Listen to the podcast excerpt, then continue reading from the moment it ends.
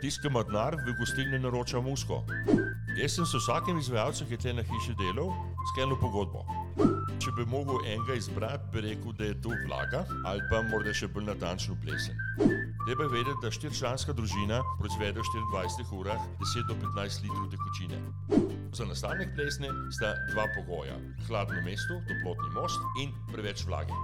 Vedno prezračujemo za največ 2 do 4 minute, vedno na prepih. Ti moraš arhitektu povedati, kaj hočeš.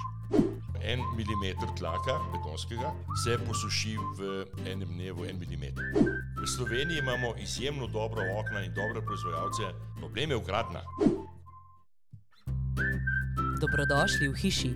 podkastu za vse in o vsem o hiši, kdaj tudi o hišni miši.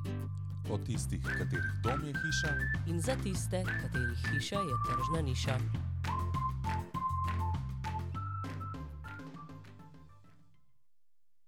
drage poslušalke, dragi poslušalci, dobrodošli in pozdravljeni v prvi epizodi letošnjega leta 2024 in skupno 41. epizodi podcasta Hiša. V njej vas lepo pozdravljava Liza Križnar, in Boris Štrakl, z nama pa je danes Bojan Žnidaršič, energetski svetovalec z več kot 30-letnimi izkušnjami na področju kvalitetne energetske sanacije, obnove ali novogradnje objektov. Bojan, dobrodošel v podkastu Hiša. Kako si? Super, zdaj v pričakovanju pomladi in pri pričakovanju sonca. Danes snemamo v okolici Cerknice, tu je čudovito vreme, sonce je pa dokaj hladno. In Ja, Bojan, Zjutraj je bilo minus 4, ne smemo pozabiti, mi smo tle zraven Babnega polja, ki je slovenska Sibirija, zraven Bloške planote, kjer zna priti tudi do minus 20. Prav, tle so recimo te hladni konci, kot recimo pri Idriji na Črnem vrhu, tudi hladno. tako je, se pravi, minus 4 v bistvu ni nek hud mraz. 4, to- ne, to pač za nas je v temu normalna temperatura. Bojan Žnidaršič je po izobrazbi diplomirani krajinski arhitekt, predtem pa je zaključil srednjo gradbeno šolo in opravil kvalifikacijo za zidarja. Do leta 2014 je deloval znotraj mreže En svet, danes pa deluje kot neodvisni energetski svetovalec. Je direktor in ustanovitelj nevladne okoljske organizacije Vitra, v okviru katere je leta 2008 zasnoval brezplačen in javno dostopen portal Nacionalna energetska pot NEP Slovenija, kjer s članki, dobrimi in slabimi primeri iz prakse, videoposnetki, komentarji ter obilico fotografij širi primere dobre energetske prakse. Zdaj pa gremo kar na naša vprašanja in sicer Bojan zanima me, kako poteka tipičen delovni dan energetskega svetovalca. Ja, ta energetsko svetovanje je bilo meni vedno kot neka dodatna dejavnost. Jaz sem bil formalno zaposlen, se pravi reden, reden šiht v, na vitri. Ne. To se pravi, nekega tipičnega dneva pač ni. Uh -huh. Bolj morda je tipično to, da kako pač poteka dogovor za svetovanje. Na spletni strani, kjer jo pač imam, ljudje napišejo, kakšne probleme imajo, pišejo cele Slovenije. Jaz jim potlej, se pravi, opis, jaz jim pač pošljem potlej ponudbo, kaj bi pomenilo to, da pridem kje na, eh, na, na stavbo. In če jo potrdimo, se potlej pač enostavno zmenimo za obisk na stavbi, ne? ker eh, problemi, s katerimi se ukvarjam, so pravzaprav kompleksni. Ne? To niso te enostavne probleme, naredim po telefonu, uh -huh, uh -huh. za novogradne pa po zumu. Recimo, uh -huh. in, eh, se je izkazalo kot zelo dober pristop. Ampak eh, potem pridem pač enostavno na stavbo in pač sem na stavbi, gremo čez.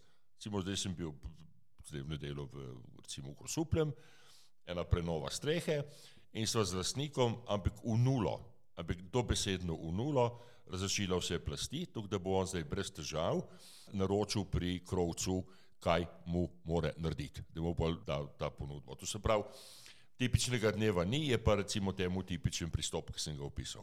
Uh, odlično. Bom še eno umestno vprašanje. Zdaj izpostavil si, da sta z, recimo, z tem investitorjem za eh, streho v nulo dorekla vse detajle, da, da se je znal s krovcem naprej eh, pogovarjati. A lahko malo pišeš, kako v nulo, se pravi, sta narisala skice, kako uh, en investitor, ki recimo nima pojma o gradni, kako komu uh, razložiš in uh, Ja. se pravi to v nulo predstaviš, da lahko skomunicira z okay. izvajalcem. Eh, Ta investitor je imel kaj pojma, Okay. ne, zato me je tudi poklical. Uh -huh. Je rekel, da je pač del na, na posameznih področjih prekratek in on ima spodaj že, pravi, tu je blizu Grosuplega, on ima spodaj že triso toplotno izolacijo in to parozadrževalno folijo in strop iz eh, mavčnih plošč. To se pravi, se bo streha odkrila. Uh -huh. Namreč on se pripravlja zdaj na montažo sončne elektrarne in ker ima gore eternit plošče, te ravne, se pravi stare nek 40 let, je pač presodil, da je to treba zdaj obnoviti, preden bo dal elektrarno gor. In tudi ni bil zadovoljen s debelino toplotne izolacije v mansardi. Uh -huh. Tu pošiljal mi je recimo fotografije, ker se je zelo jasno videlo, kako je kolenčni zid prebijal in stopil sneg gor. In potem sva, eh, kot rečeno, jaz sem šel, jaz sem poslal mi slike, ved- vedela sva, zakaj se gre.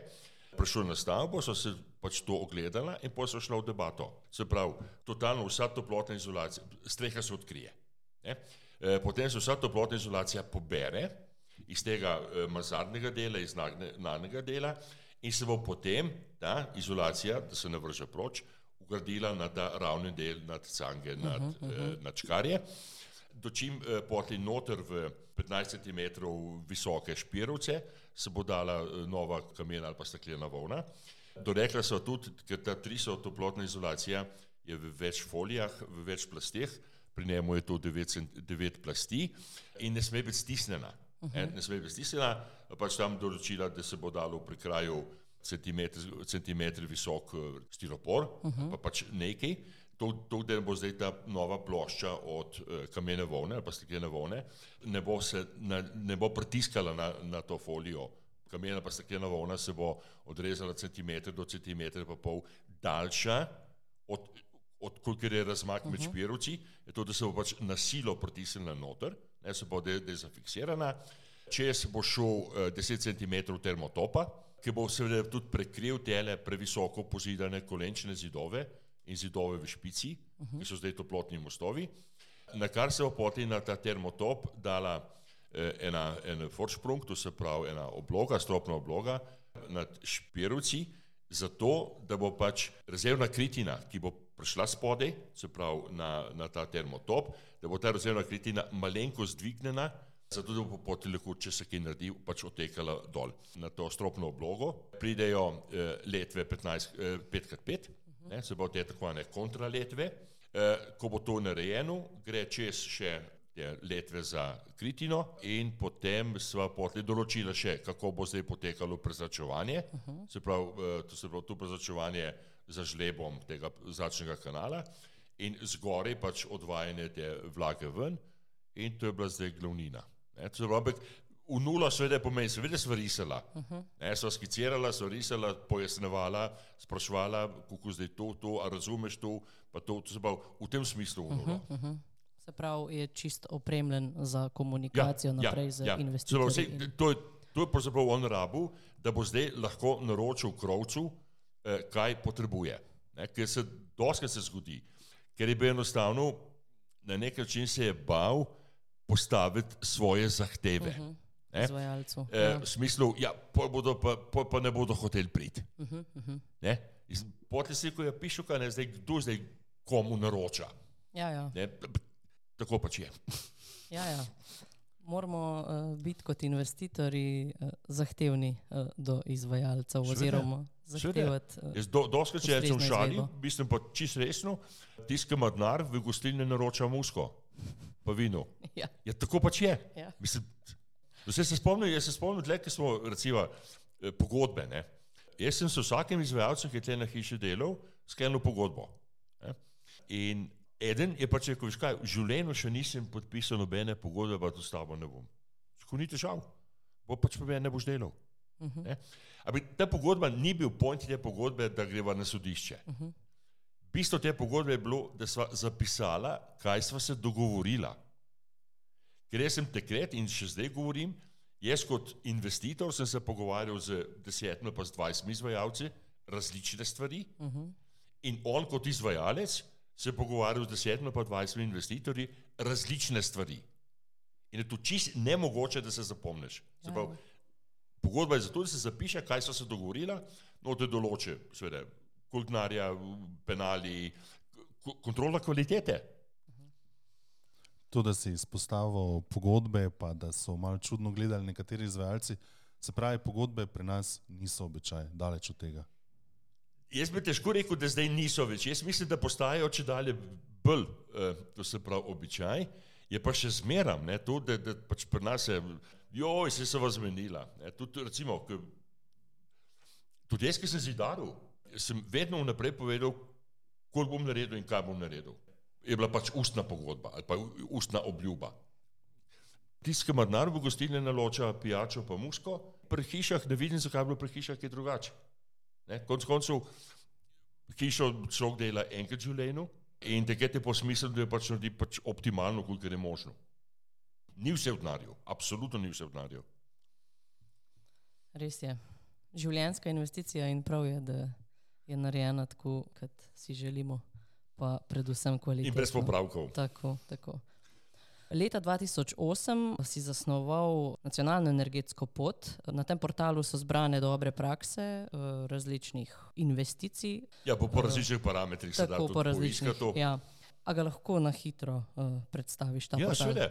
To se pravi, zdaj ta trenutek, ta trenutek je gor 660 stavb iz celotne Slovenije, javnih in zasebnih, ki so dostopne in si gre tudi lahko te rešitve pogledati. Ne.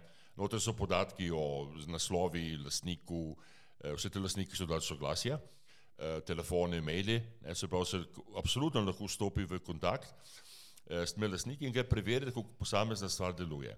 Ne Morate vedeti, da se je to meni dogajalo recimo tam leta 2008, ne, takrat je enkrat pa 7-6, ko je pa zaprav ta začela ideja zoreti. Takrat recimo kotli na pirolizo s podpihom, ne, recimo niso bili tok še znani. Uh -huh. In vem, ker so prihajali deh meni na svetovanje, pa so rekli, pa kaj je zdaj to, ne, kaj je zdaj ta, kaj je zdaj to piroliza, kaj to sploh je. Ne. In jaz sem mu seveda razložil, ne to.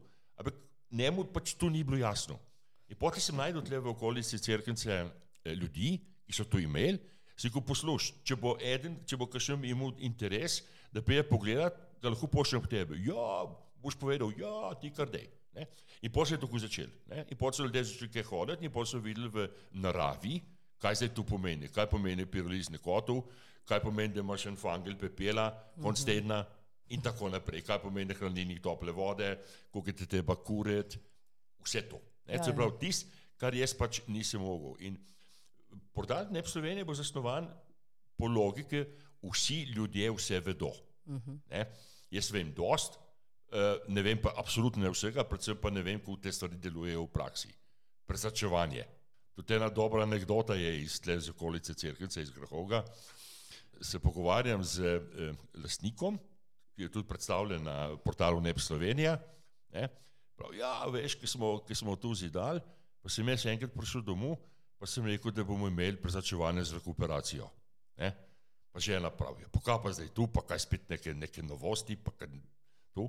Pa prav sem mi razložil, pa prav, kaj ne moramo tako, kot se normalni ljudje zračajo skozi okna, kaj se zdaj afnamo. Ne?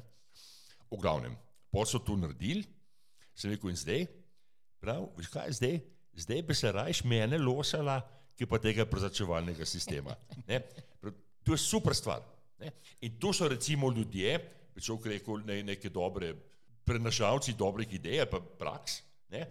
Ki pravzaprav imajo to moč, da seveda se dokazi ali pa se svojimi primeri pravzaprav spodbujajo te dobre in en- energetske uh, rešitve.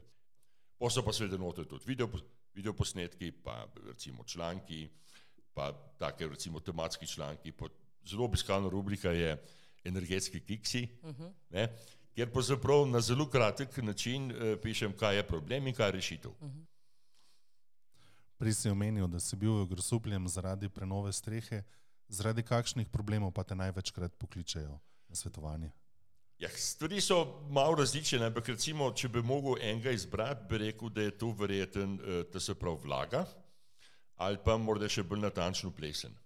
Se pravi, plesen v bivalnih prostorih, eh, tudi na fasadah, ampak to ni tako eh, pogosto, to se pravi, v bivalnih prostorih je pa, je pa množično.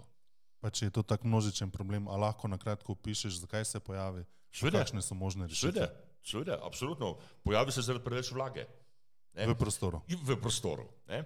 Zdaj pa treba seveda vprašati se, odkje pa zdaj ta vlaga pride. Pri starejših stavbah ali pa pri šlampasto narejenih stavbah, tudi pri novih, ne, je recimo že prva vlaga, ki prihaja ta tako imenovana kapilarna vlaga, zaradi slabih temeljev, zaradi slabe hidroizolacije na temelju. Se pravi, to je ena. Te druga je pa kondenčna vlaga, tudi okrog temeljev, ker recimo ena izmed zelo pogostih napak ali pa množičnih napak pri pasovnih temeljih. Zdaj pri temeljnih ploščah so se stvari izrazito izboljšale. Ampak pri pasovnih temeljih so fasado delali eksplicitno do terena, do zemlje. Nikoli pa podaljšali v, v, v temelj. Ne? Zmeraj si govorim, fasada se podaljša v temelj, tudi v tisti zasute del, ne, se pravi tista logika pol metra čez, je tudi, da tam ni toplotnega mostu. Ampak recimo, eh, to se pravi, ta vlaga pri- pride od odzunaj, to se pravi ta kapilarna vlaga, potlej pa notranja vlaga je pa seveda tista, ki jo mi proizvajamo med bivanjem. Treba je vedeti, da štiričlanska družina proizvede v 24 urah 10 do 15 litrov tekočine. Govorimo o normalnem bivanju, se pravi dihanje, znojenje, higiena, kuhanje, pač čist nekaj normalnega. Ne govorimo o sušenju perila, recimo noter. Ne? In ta vlaga mora iti ven. Ne? Zdaj seveda, no, novejše stavbe ali pa obnovljene stavbe imajo zelo dobro zatesnjene stike. Ne? To se pravi, vidva sta se s podjetja za proizvodnjo okn, pol veste, ne, da, da so okna že sama po sebi, se pravi, brez ugradnje, či samo okno je pravzaprav 100% tesni. Ko se ugradi, se tudi ugradi na RAL montažo, se pravi na, na to zrakotesnost, ne? in potem tam ne piha več, ni več tega avtomatskega prezračevanja, ki je nekoč bilo. E, vrčuje se pri prezračevalnih sistemih in potem enostavno pride noter enostavno preveč vlage. Na roko se ne zrači, ne? kar je druga možnost, in preveč vlage takoj najde neke toplotne mostove, da če jih ni, hvala Bogu, pa tudi plesni, ne? če pa so, je pa tle plesen. Ker za plesen in zdaj za odpravo, pravi, za nastanek plesne sta dva pogoja. Hladno mesto, pravi toplotni most in preveč vlage. Za odpravo plesni je pa treba samo enega od teh dveh vzrokov odstraniti. Če mi odstranimo toplotne mostove, ne bo več plesni, tudi če bo preveč vlage. In če toplotne mostove pustimo in odstranimo ali pa odvedemo ven, eh, se pravi, višek vlage, tudi ne bo več plesni. Se pravi, hkrati morata biti izpolnjena ta dva pogoja. Je pa pri plesni poti še pravi, ogromno, pa veliko teh tako imenovanih organizacijskih ukrepov. Zdaj sem bil recimo v okolici Ljubljane. Tri velike napake najdu takoj, ko sem vstopil v prostor. Na zunanji steni, ki ni bila kvalitetno toplotno izolirana, je bila omara do tav. Do tav, kar je zelo pomembno, in do stene. Ne? Ni bila pa do stropa. In za tisto omaro je bila seveda plesen. Zakaj? Zato, ker ni zrak mogel krožiti pod omaro in med steno in omaro. Ti sem rekel, odmakniti, dvigniti in bo problem rešen. Drug problem je bila grnisa, se pravi, če so grnise nad okni eh, eh, pričvrščene, privijačene v strop, v strop, pomeni, da se v tisti, v tisti pravokotnik, da radiator konstantno pošiba gor eh, vlažen zrak in običajno so preklade eh, toplotni mostovi in tam je zagotovljena plesen. Rešitev je spet zelo preprosta, vzamemo distančnik, 5 cm, spustimo grniso dol, omogočimo to režo in sta rešena. In tretja težava je bila to, da je bilo nad radiatorjem, se pa imamo radiator ob steni, je bila notranja polička okna čez radiator. Ne? Pravi, radiator sploh ni mogel opravljati svoje funkcije, to se pravi tega kroženja, kroženja zraka. Pa če pri tem eh, omenimo še malo zračenje, to verjetno je stvar, ki smo jo slišali že stokrat, pa verjetno ni odveč, če še enkrat slišimo, kako se pa prav zrači, če ni rekuperacije. Jaz, jaz besede eh, pravilno niti ne želim uporabljati, jaz raje uporabljam izraz učinkovito. Okay. In učinkovito se prezračuje zelo preprosto. Vedno na prepih. Kar pomeni, da vedno odpremo vsa zunanja vrata, vsa notranja vrata in vsa okna. Vedno na prepih vseh prostorov, ne samo križno, vedno vse prostore. Vedno odpremo okna ali vrata na polno, vedno prezračujemo do, za največ 2 do 4 minute. Vedno 2 do 4 minute, nikoli več. Ker v 2 do 4 minutah se zamenja ves zrak. In mi lahko pozračimo še eno uro, ne bomo nič več mogli zraka zamenjati, ki bo že 100% zamenjal, moče pa podhlajati konstrukcijo. In to naredimo trikrat na dan. Zjutraj, popoldne, zvečer. To se pravi, poenostavljeno rečeno, ko se gre na posel ali pa ki zadnje zapusti hišo, eh, prelufta, ko prvi pride domov, prelufta in ko grejo spat, pred spanjem spet preluftajo. To je to. In to je učinkovit način eh, eh, odpravljanja vlage ven in seveda zmanjševanja ali pa celo odpravljanja plesni. Ja, tega sem prepričana, da, da, da ne delamo za dost. Eh, Doskrat se dogaja tu, ne, da, da, da bo pa bolj prijelo, ne, pol ure, Ja, ja, bo ure, ne začeti. Ne. Pol ure je čista neumnost. Ti moraš zrak zamenjati in zrak je brez mase, zrak se zelo hitro zamenja. Eh, Ko imaš pa kaj dalj časa, pa pa začneš res podhlajati. Ali tla, ali stene. In ko zapreš okna, ne, moš poti pa tisto zdaj dodatno grevati. Ja, ja. Samo toliko, da bo jasno, se pravi, boljše, da odpremo vse na prepih, preluftamo, ko pa da pustimo okno na kip odprto ure in ure. Kip, absolutno ja, jaz celo v šali, mislim pa zelo resno, rečem, da je kipanje oken preko zime prepovedano. Konc. ne, nekatere stvari, nekatere stvari treba pač enostavno jasno povedati. Ne? Točno to, ne, se pravi. Vi morate vedeti, da je tam kip, kip je tam recimo 4 do 5, 5 cm, recimo se odpre okno, ne? in zdaj mora na teh 4-5 cm se mešata ali pa se srečujeta dva zraka. Ne? E, Topel zrak, ki gre ven, zgoraj, in hladen, ki prihaja noter. Ne? To se pravi, je to absolutno počasno, eh, poča, prepočasno, eh, prepočasno izmenjava zraka. Super, zelo jasen odgovor. Pa če gremo zdaj mogoče še malo na novogradnje, a je v Sloveniji praksa, da se energetskega svetovalca vključi v sam proces že od začetka, ali te večkrat pokličejo kasneje, ko je potrebno gasiti nek požar, rešiti kak problem. Ja, jaz o nekih pravilih se ne bi pogovoril, ali pa o nekih trendih. Ne? E, to se pravi, s- slej ko prej bi raje rekel, da so trendi, da, da se energetskega svetovalca zelo malo vključuje na začetku. Jaz sem recimo teh svetovanj preko Zuma, ker dejansko je to preko Zuma pol pomembno, zato da se prvič eh, posname vse, kar so se dogovorila, da me tudi lasnik že prej sicer pošlje te skice, pa da potem tudi odpira skice ali pa načrte, karkoli že pač ima, v kakšni fazi že je ta projekt in da potem tam komentirava, da ima potem to zabeleženo. Ampak jaz sem recimo teh uh, za novogradne maksimalno 20 na leto. In tu treba računati iz cele Slovenije. Ampak tisti, ki se pa odločijo, so seveda navdušeni. Ne? Ker gremo spet, ko so prej tu uporabili izraz v nulo, ne? ampak greva čez celoten, čez celotno stavbo. Ne? Jaz ne komentiram tam recimo teh arhitektonskih rešitev, pa kitajskega, komentiram pa ali pa pozarjam recimo na stvari, recimo tipičen primer, ne? višina. Višina bivalnih prostorov. Ne? Mi smo zdaj tle premen, a veste, kako je zdaj tle visok strop? Po občutku. Kar visok. Kar Mislim, ne? Precej višji, Eh, ja, kot Mislim, da je običajno. 270 do 275. V Sloveniji se je pač nekako uveljavil en standard, ki, ki je seveda ne napisan standard, 2 metra pa pol. Ne? In ko se mi začnemo pogovarjati s temi lastniki, govorim za novogradno, ne, ga vprašam, ne, koliko je pa višina stropa, svetla višina ali pa koliko bo. Ja, prav ne vem, ne, to arhitekt ve. Ne.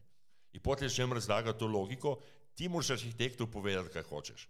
In jaz, ko sem se recimo kot študent premetaval po, po teh nizkih kleteh po, po Ljubljani, se je rekel, če bom kdaj imel svojo bajto, bom imel pač viso, visoke stropove in jih imam. Ljudje so rekli, ki, so, ki so to slišali, recimo Frendi, so rekli, pa kako moš ti, kot energetski svetovalec, pa tu boš imel gor tiste 20-30 cm, boš brez veze ogreval. Rekel, "Veš kaj, jaz bajto delam zato, da bom pač kvalitetno živel noter, da sem dobro počutil, ne pa da bo tiste stropnice prebijo na glavo. Potlej recimo, recimo eno od tipičnih, ki je tudi doskrat priporočam, je, da se to mansardna stanovanja, ne, so zdaj klasično urejena tako, da je pač en del, ta spodnji del je pač mansarda, recimo kot je pri sosedu, ne, zgoraj nad, nad škarjami je pač ta raven del. In zdaj gor nastane en trikotnik. Eno ž- sama živa žalost, Treba je zrihtati dostop do njega, ogromno toplotnih mostov potencijalnih in pač pol enostavno svetujem, razmislite o tem, da bi enostavno imeli podstrešno stanovanje, pogovorite se z arhitektom, da bi imeli podstrešno stanovanje strop do špice. Se pravi, se rekel, te male bodo veseli, če, bo, če mu boste dali kakšne škarje in platno, se reče, da, eh, da se sam zriše svojo hišo, eh, svojo sobo, bo tam lahko dal neko, neko vrv, pač neka plezalna stena, pa karkoli, ampak v glavnem tudi svetloba je popolnoma drugačna, recimo, če pride gor z vrha in tako naprej. In mora več, nekateri pač se pol, tudi kateri me pač pokličejo, prav, tudi arhitekt je bil navdušen. Te predloge dajem, so pa tu ipak v domeni arhitektov, jaz se tle ne morem tega lastiti. Ne. Katere pa so najpogostejše napake, ki jih naredijo investitorji pri načrtovanju objekta? projektna naloga. To se pravi, ne narejena projektna naloga. Ne? Projektna naloga je pravzaprav en tak izraz, strokovni, ki pa ne pomeni nič drugega kot to, da si na papir ali pa na računalnik zapišejo vse želje, potrebe. To se pravi, gre za to, da pač se v prvem redu, da se partnerja, se pravi, recimo običajno mož pa žena, pa kdorkoli že, da se ta dva na nek način uskladita, kaj sploh hočeta. Iz vlastnih izkušenj vem, da je to težko, iz drugih izkušenj tudi, ni to tako samoumevno, da bi žena mislila enako kot mož in obratno. S tem, da v projektno nalogo jaz nujno rečem, da je treba vključiti tudi otroke, ne glede na starost, tudi jih pač enostavno pritegneš, da bodo ponotranili to gradno, ne da bodo rekli, da stare neki gradijo brigame. Ne, da bodo pač imeli nek ta čustven odnos in seveda tudi starejše, če živijo skupaj v gospodinstvu. Pravi, da se na nek način napiše, to se pravi lahko čisto v telegrafskem stilu, ampak to, kot sem rekel, višina bo 2,80 stropa, konc, svetla višina. Imeli bomo dve kopalnici. Ene kopalnice bo tuš, eh, bajne pa ne bomo imeli. Kopalnica bi bilo fajn, če bi bila velika. Recimo v, v takem stilu, se pravi, da, da, da se, da se eh, eh, na nek način nekako začne sestavljati ogrodje neke bodoče hiše, brez podrobnosti. Tle podrobnosti so celo moteče, ne? ampak v, v, tak, v, v gro planu. Ne? E, In potem se to predebatira. Predebatira se znotraj familije, se uskladi in to, in potem se gre s to projektno nalogo do projektanta, se pravi do arhitekta, običajno so to arhitekti tisti, in potem ti že s to, kar je zapisano, ti njemu poveš, kaj hočeš. Ne? Mu ni treba zdaj še razlagati. Uh -huh. Če bo on imel kakšno idejo, da bi bilo kaj drugače, on bo že povedal. Ne? Ampak v principu je to to. Ne? In tudi, če ima on kakšno drugačno idejo, potem tisto sprejmete ali pa ne sprejmete. Tisti, ki ima denar, naroča musko v, v, v gostilni in tle je isto. Ne? Vi pač arhi- arhitektu poveste, projektivnemu biroju, seveda, ne? kaj enostavno hočete. In potem, to se pravi, gre steče, steče postopek naprej. Pravi, Projektna naloga je zihar tista, ki je, ki se na nek način se ljudje bojijo, kot jaz, pa nisem strokovnjak. Si ko pa pišeš, kakšen strokovnjak pa moraš biti, da poveš, da, da bi rabu dva stranišča, Ja, ja. ali pa da bi rad veliko kopalnico. Se tu je v bistvu izhodišče za arhitekta. Ne? Ja, Sej natančno to arhitekti, omejen arhitekti so arhitekt. veseli, ker dobijo kvalitetna izhodišča. Ne, ker če vi prijete k arhi- teh arhitektov, rečete, ja, jaz bratim v hišo, ne, pa bo rekel, ja, on kašno pa, ja, vse vi veste, da ste vi strokovnjak. Tudi v arhitekt je revež, pojma nima. Mislim, ka, kakšne so. Zdaj, zdaj pišem en članek eh, o ogrevalnih sistemih ne, pravzaprav isto rečem. Eh, lastnik mora povedati, kateri energent bo uporabljal, drva, olje, toplotno žvalko, pa karkoli že, in kateri ogrevalni sistem, nizkotemperaturno, visokotemperaturno, eh, teplozračno. In potem, ko to določi, gre k projektantu strojnih inštalacij in tam bo potem naredil, izračunal, dimenzioniral, napisal, narisal komplet ogrevalni sistem. Izvajalec ga bo pa naredil po načrtu. To je ta prava pot. In edina smiselna, ne, ne pa neke improvizacije, pa bluzenje eh, levo in desno. Če se vrnemo k projektni nalogi, projektna naloga je narejena, šli smo do arhitekta, arhitekt pripravi načrt. Kaj pa se tu recimo zgodi? A so kakšne stvari, ki so načeloma bolj lepe kot funkcionalne? A so kakšne pogosti primeri takšnih napak, napak, ne napak, mogoče slabih praks, kjer dajemo prednost nekemu izgledu pred uporabnostjo recimo? Ne vem, zdaj jaz se, jaz se tle pri svojem svetovanju seveda omejim na nek način na tri veje. veje stavbe. Prva je, prve je ovoj, pa prvi sklop je ovoj, uh, ker seveda to pomeni spodaj, se pravi temeljna plošča, običajno zdaj pa tla proti hladni kleti, ne, pač ta del, potlej ta fasadni del in zdaj zgoraj, zadnja plošča ali pa eh, streha posrečnega stanovanja in stavbno pohištvo. In tle, tle jaz, mislim, jaz se ne ukvarjam s tem, če zdaj arhitekt narisal okno pod oknom ali pa so okna zamaknjena. To je brezpredmetno, mislim vsaj za me. E, te drugi sklop je eh, pol ogrovalni sistem ne, za prostor in sanitarno vodo. Pač lastnik pove, v katero smer razmišlja, ima cajt, nima cajta in tako naprej, ne, potem bo pač jaz sugeriram, ali pa mu že pred arhitekt ali pa strojne inštalacije pač te stvari naredijo. E, in tretji sklop je pa ta, recimo, kvaliteta življenja, kamor jaz uvrščam recimo uporabo deževnice, to sicer nima veze s hišo, ampak recimo del, pa se z bivanjem, pa vsekakor prezačevalni sistem.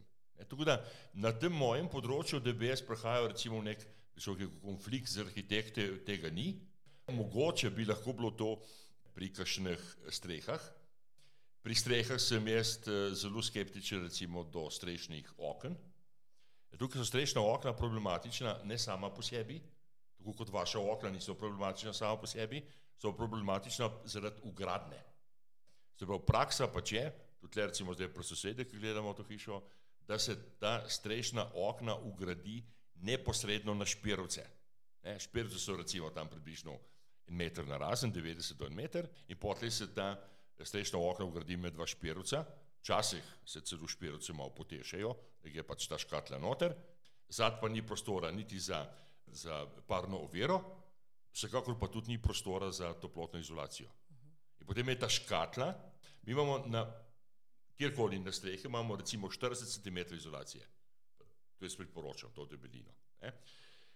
Med škatlo in špirovcem ni pa nič izolacije, nič. Kaj pomeni, da je tam eklatantni primer toplotnega mostu in da bo tam tekla voda, kaplala bo dol in to ne bo voda, ki bo puščala iz strehe, ampak bo to kondenčna vlaga. Uh -huh. Torej, recimo pr, pr, pr, pri svetovanju, nekako se bolj nagibam, pa bolj spodbujam, da se razmišlja ali o frčadah, ne, ki so te stvari lažje rešljive, ali o strešnih oknih, ja, ampak da se vgradi v menjalnik, da se prej naredi menjalnik v, v, v konstrukcije, v špirovcih in potem se pridobi ta prostor, ki pa potem seveda je pri, pri, pri špaletah, okenskih špaletah je dovolj prostora za toplotno izolacijo, ne, kot je tudi dovolj prostora, da se ta perpetuum mobile zračnih kanalov gre od uh, žleba pa do, do slemena, ne, se pa da se to zrači. Tle in potem recimo, da včasih tudi spodbudim koga, da morda razmisli, da da recimo v špico, še posebej tiste, ki se odločijo, da imajo potem recimo višjo podstreho, da imajo recimo na podstrehi visok strop 4-5 metrov do špice, da morda v špico ugradi visoko eh, okna. Uh -huh, eh. uh -huh.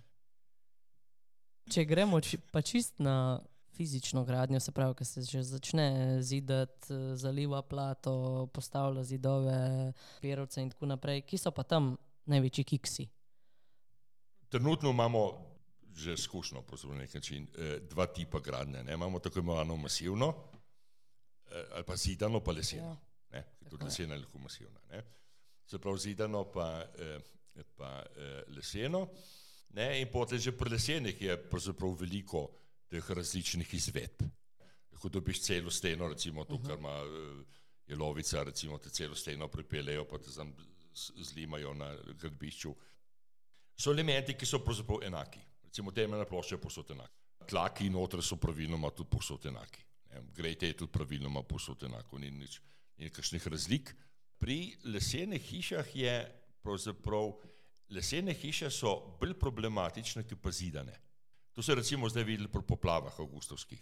Zidane hiše pa so se namočile, seveda so se, ampak ti se je pač enostavno odmaknilo in tiste zice, recimo v roku 40 dni, pač 30 dni, 50 dni, se pač posušil, brez vseh posledic.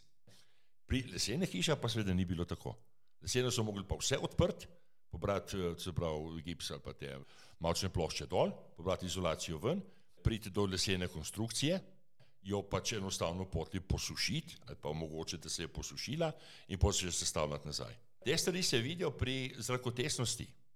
Recimo ena izmed kar velikih, morda celo na nek način največjih problemov je ta šlampasta gradna ali pa šlamparija pri zrakotesnosti. Dobesedno tako bom rekel. Šlamparija pri zrakotesnosti.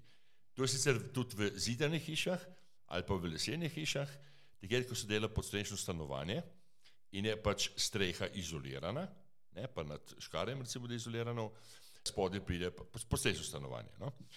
In se ta parna ovira nikoli, praktično nikoli ne lepi. Lepi na zidove in se na nek način ne naredi zrakotesno in recimo temu 100% zrakotesno. Se pravi, in potem seveda tam beži vlaga gor in zamaka dol in tako naprej. Ne. Pri lesenih hišah, to je, pri lesenih hišah je pa problem še stene, ki so razen pri masivnih hišah iz križno lepljenih plošč, pri masivnih stene tega ni, pri uh, ostalih vseh lesenih stavbah je pa to, da tudi na notranji strani, se pravi, recimo, da je tam pač neka OSB plošča, pa na tej strani gips, pa morda še inštalacijska raven, ampak potem vsekakor sledi parna ovira. Da je ta parna ovira prevečkrat preluknjena in potem tam 24 ur na dan beži ven vlaga in se kondenzira v steni in pa tam poti dela štalo.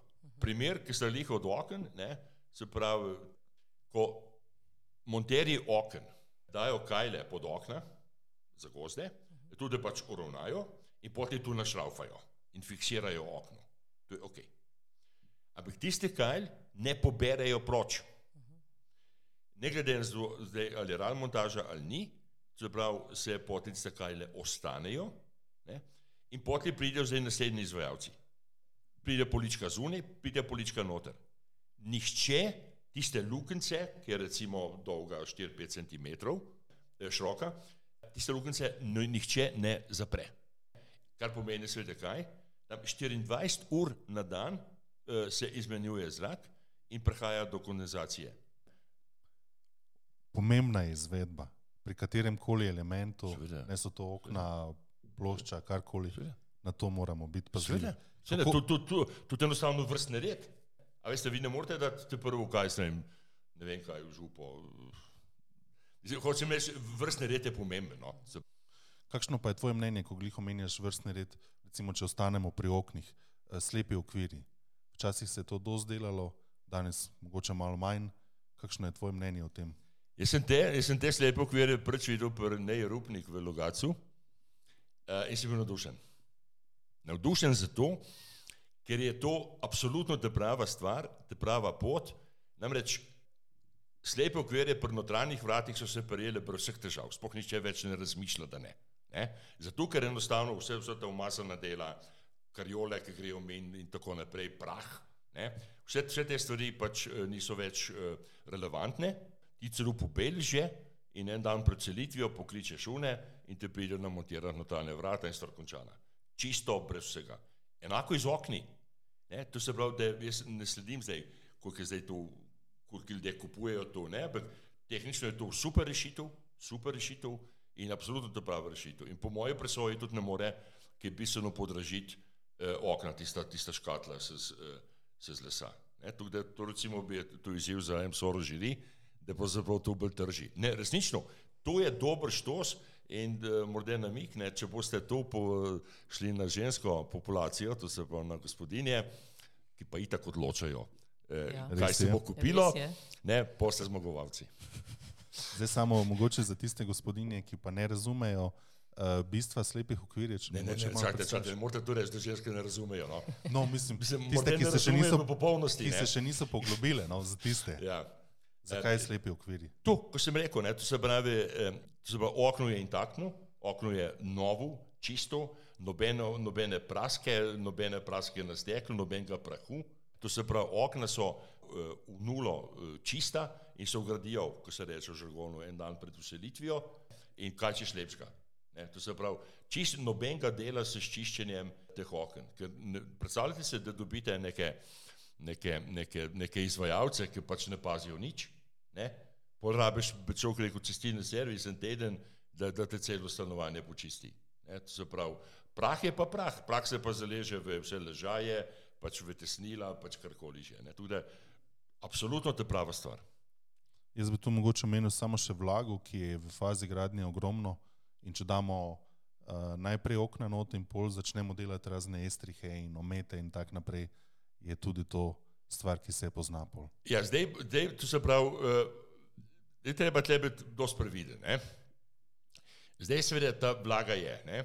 Uh, estrihi ali pa ometi, to, to je nedvoumno.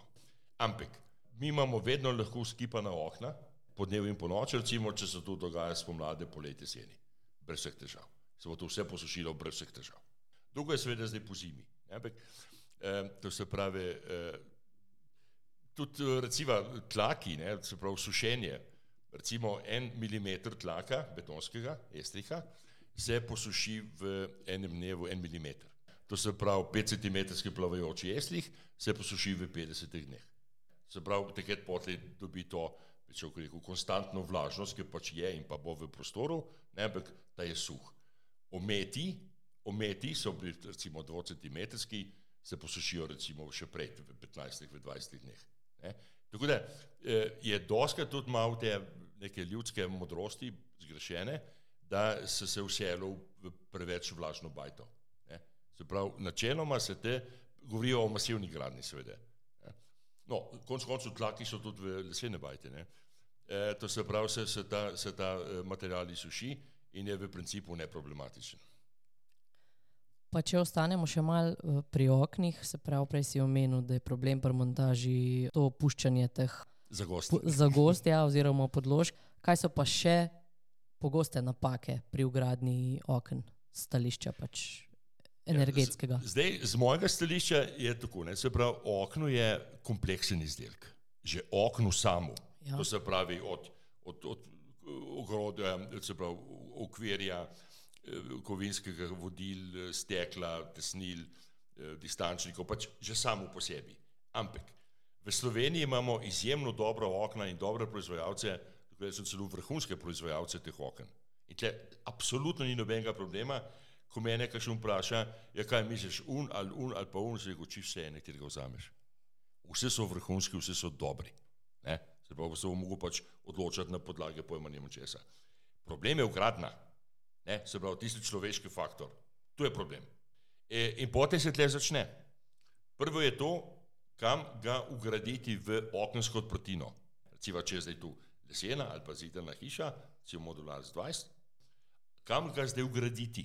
Ne, jaz sem recimo tle modular z 20 pri svoji hiši in izmislil seveda, tudi tu svetujem, ugradili okna na zunanjo linijo zidu in zdaj in dal potli 15 cm, da bo dal minimalno 20 cm izolacije in zdaj imam jaz okno v tej konstrukciji, recimo 20 zid, pa 20 izolacije, imam okno na sredine te konstrukcije. Ne? Pravi, prej ti bo seveda na koncu, zdaj na Zunaj, sredine. ja, ja. In potem mu gleda celo sliko. Ne? To pravi, to je zihate največja napaka ali pa težava, eh, zato ker potli ostane špaleta neizolirana. V tem je ta problem. Pri starih bajtah, se pravi pri obnovah, svetujem, če bo šla fasada, da se to porine ven, če pa ne bo šlo, potem pa naj okno ostane na istem mestu, kot je bilo, staro okno, ampak je pa treba nujno ali odštemati špalete pri kraju, zelo te pokončne, poličko spodaj, bodočo poličko spodaj in najti prostor gor na prekladi. Da preklade ne moreš štemati. Se pravi, se poti je možno, da se okno spusti dol, ali pa da je nižje, če je bilo prej 140, da recimo zdaj 120, ne, da pridobimo te, te centimetre eh, in se potem to izolira. Ne, to se pravi, polička spodaj, zgoraj pač naredi se ta okvir z izolacijski, poti ni nobenih težav. Če še malo ostanemo pri oknih, uh, lesena okna. En mit je, ki kroži, da lesena okna pa dihajo. Zdaj, ki sem bil tle v okolici Grosuplega, mi je so bila noter, pa mi je razlagal, da bo mogel okna menjati. Pa še preden sem zinil, prav, ja, se vem, kaj boš rekel, se vem, kaj boš rekel, koliko bom jaz tem prešparal. No, sem rekel, to je tudi eno vprašanje, ne, mislim, jaz pri svetovanju izjemno dost postavljam vprašanje, tudi v smislu, kateri problem se bo s tem rešil. In če pač ni dobrih odgovorov, potem rečem, pač ok, to lahko narediš, sem ekonomsko upravičen, to pač ni. E, in zakaj sem to omenil? Zato, ker on ima še zmeraj okna, ki so narejena iz enega kosa. ne, iz enega kosa lesa. In tam je tisto dihanje, tako imenovano dihanje pomeni seveda prehajanje vlage skozi material, eh, pri tistem lesu je še možno. Dočim pri novih oknih, to se pravi, ki so narejene iz lepljencev in pre, prebarvane z nanolaki, je bi bila smrt za to okno, če bi vlaga prehajala skozi. Les je še vedno živ material in če je vlažen, se pač eh, deluje. To se pravi, ne, ta okna ne dihajo nič, e, to tudi jaz zmeraj izpostavljam. Zdaj nekatere, eh, nekateri eh, proizvajalci lesenih okolj te tudi aktivno izpostavljajo, da, da je to mit, kar ste recimo ravno kar povedali. Nekateri so tiho, nekaterim je pa to kar všeč, ne, ker s tem pridobijo neko konkurenčno prednost pred okni iz plastike. Okay, zdaj pa še zadnje vprašanje in sicer v luči teh cenovnih regulacij električne energije in izbire energentov za ogrevanje stavb, kateri je pa zate energent prihodnosti, a ga sploh lahko določimo ali je čist spet odvisno od potrebe. Ne, si stvar je pravzaprav dosti jasna. Ne? To se prav za Slovenijo je in bo biomasa, v tem primeru zdaj ta trenutek govorimo o lesni biomasi, lahko bi bila pa tudi druga, recimo žito, eh, če ne bi bilo etičnih problemov, da se žito kuri. Žito so že naravne peleti, ne bo zdaj tu koruza, pšenica, ovso, pač karkoli. To se pravi, eh, biomasa, trenutno zihar lesna biomasa, je energent, ki bo v Sloveniji še 50 ali pa 100 let ali pa pač zelo dož časa. Tu je en energent, drugi energent je pa seveda elektrika. Ne? Elektrika in posledično potli toplotne črpalke. Toplotne črpalke so dosegle tak že pravzaprav relativno zrel stadij razvoja, vsaj nekatere, nekatere recimo kot monoblok so zdaj na začetku. Ne? In toplotne črpalke so seveda tudi obnovljivi vir energije, tako kot, kot biomasa in domač vir. Ne? To se pravi, ok, elektrika, ampak tudi elektrika v končni fazi je domača. Ne? Se ne izvaža denarja, recimo za plin, kar se ga zdaj definitivno ukinja v Sloveniji, ali pa smo stopili na pot ukinjanja ali pa zmanjševanja. Enako se bo zgodilo s korilnim oljem, ne? tudi ta pač, ok, lahko da bo še 20 let funkcioniral, ampak v principu odhaja. Vir prihodnosti je seveda, kot sem rekel, elektrika preko toplotnih črpalk in lesna biomasa. Je pa absolutno te najboljša, te najboljša energija je tista nevatna energija, se pravi tista, ki jo ne porabimo. In to so pa seveda zdaj pasivne hiše, se pravi izjemno dober toplotni ovoj in tudi snes, skoraj nič energijske hiše, kar so zdaj zaprav stavbe. In seveda brezplačna pasivna uporaba sonca. Ne, se pravi, sonce je, sonce je neizmeren vir energije, in jo moramo mi samo znati ujeti.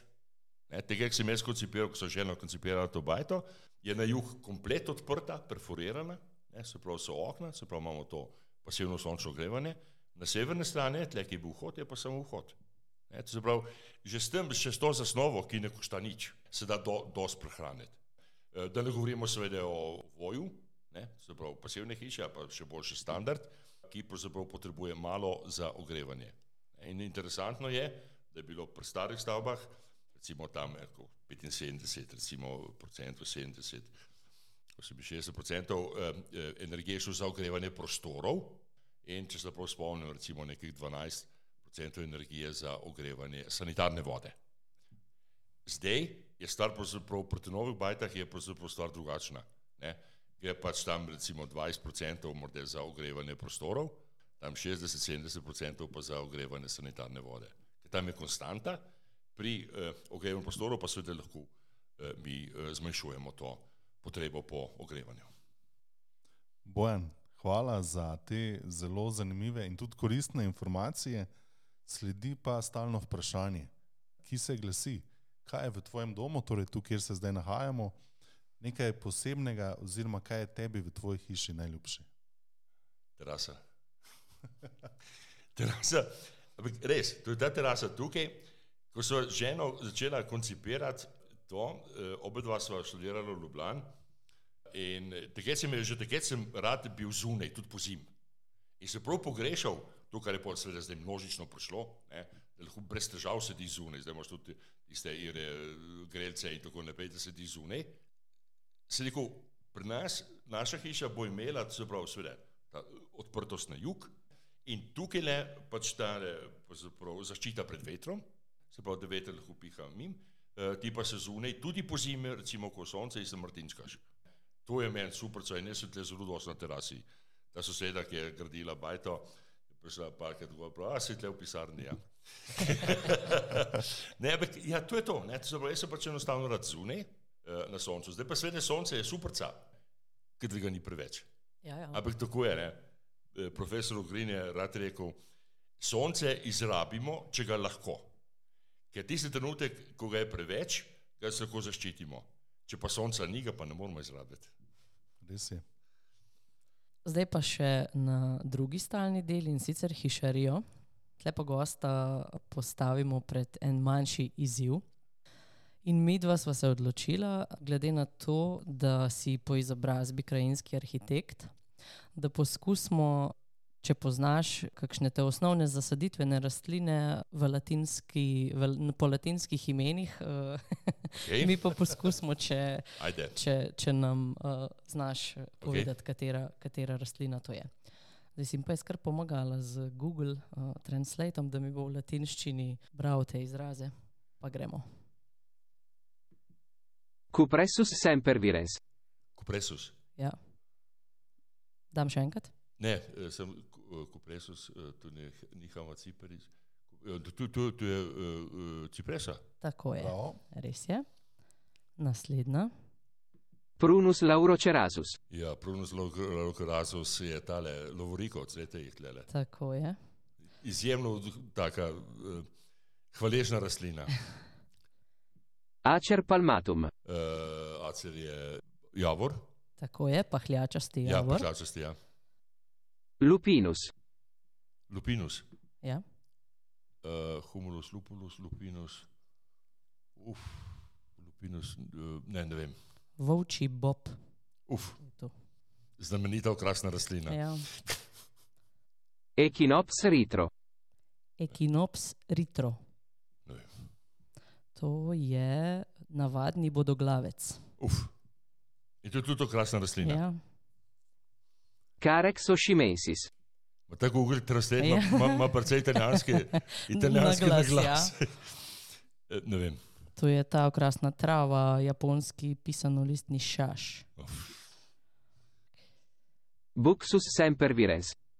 Uh, Bukšo sem preveren, se pravi, to je b- b- b- bršan. Ne, ne, un, ti grmiček, no, ki se uporablja za skropljenje Pušpan. pušpanja.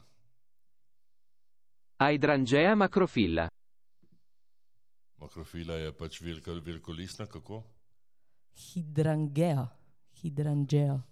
Velikolistna. Boste dali pol točke? Bomo. Hortenzija je to. Aha, ok. Pyrus communis. To je pa drevo. Ampak pirus. Z. Y, ja. Pirus communis. Oh, ne vem. Hruška.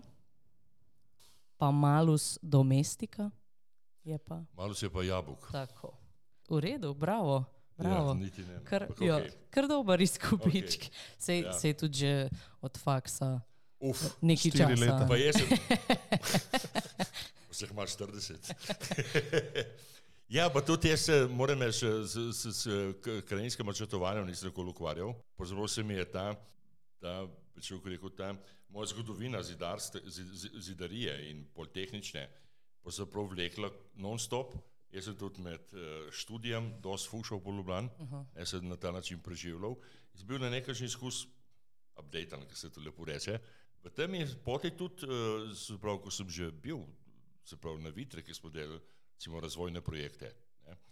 Črpove, pač različne raz, razvojne stvari, različne mednarodne izmenjave in tako naprej, kar smo pač delali.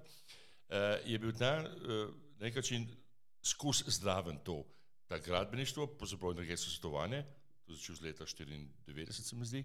Ne? Uh, in je potem se je začelo samo še to pač enostavno premikalo. Enkrat več tega, enkrat več tega, ne? zdaj sem pravzaprav čist specializiral ali pa pravzaprav zdaj sem še to energetsko svetovanje izvajam. Ne? Samo da na, na recimo krajinskih stvari nisem nikoli delal, še tle doma je pač žena tista, ki je rekla, uno bomo dali ke, uno pa ke ne. Se bolje pa seveda sem kimal, pa lopatom prenikal. To je dokaj standardna zgodba. Je precej no, Ja, precej. nimamo ok. Super, Bojan, hvala še enkrat za vse. Hvala pa tudi vsem, ki ste bili z nami v 41. epizodi podcasta Hiša. Še vedno zbiramo vsebine in goste podcasta za novo leto, zato nam pišite na hisaafna.m-ora.si, če imate kakšno željo ali predlog. Ponovno se slišimo februarja, ko izide 42. epizoda. Hvala, ker nas spremljate, vse dobro in srečno v vaši hiši.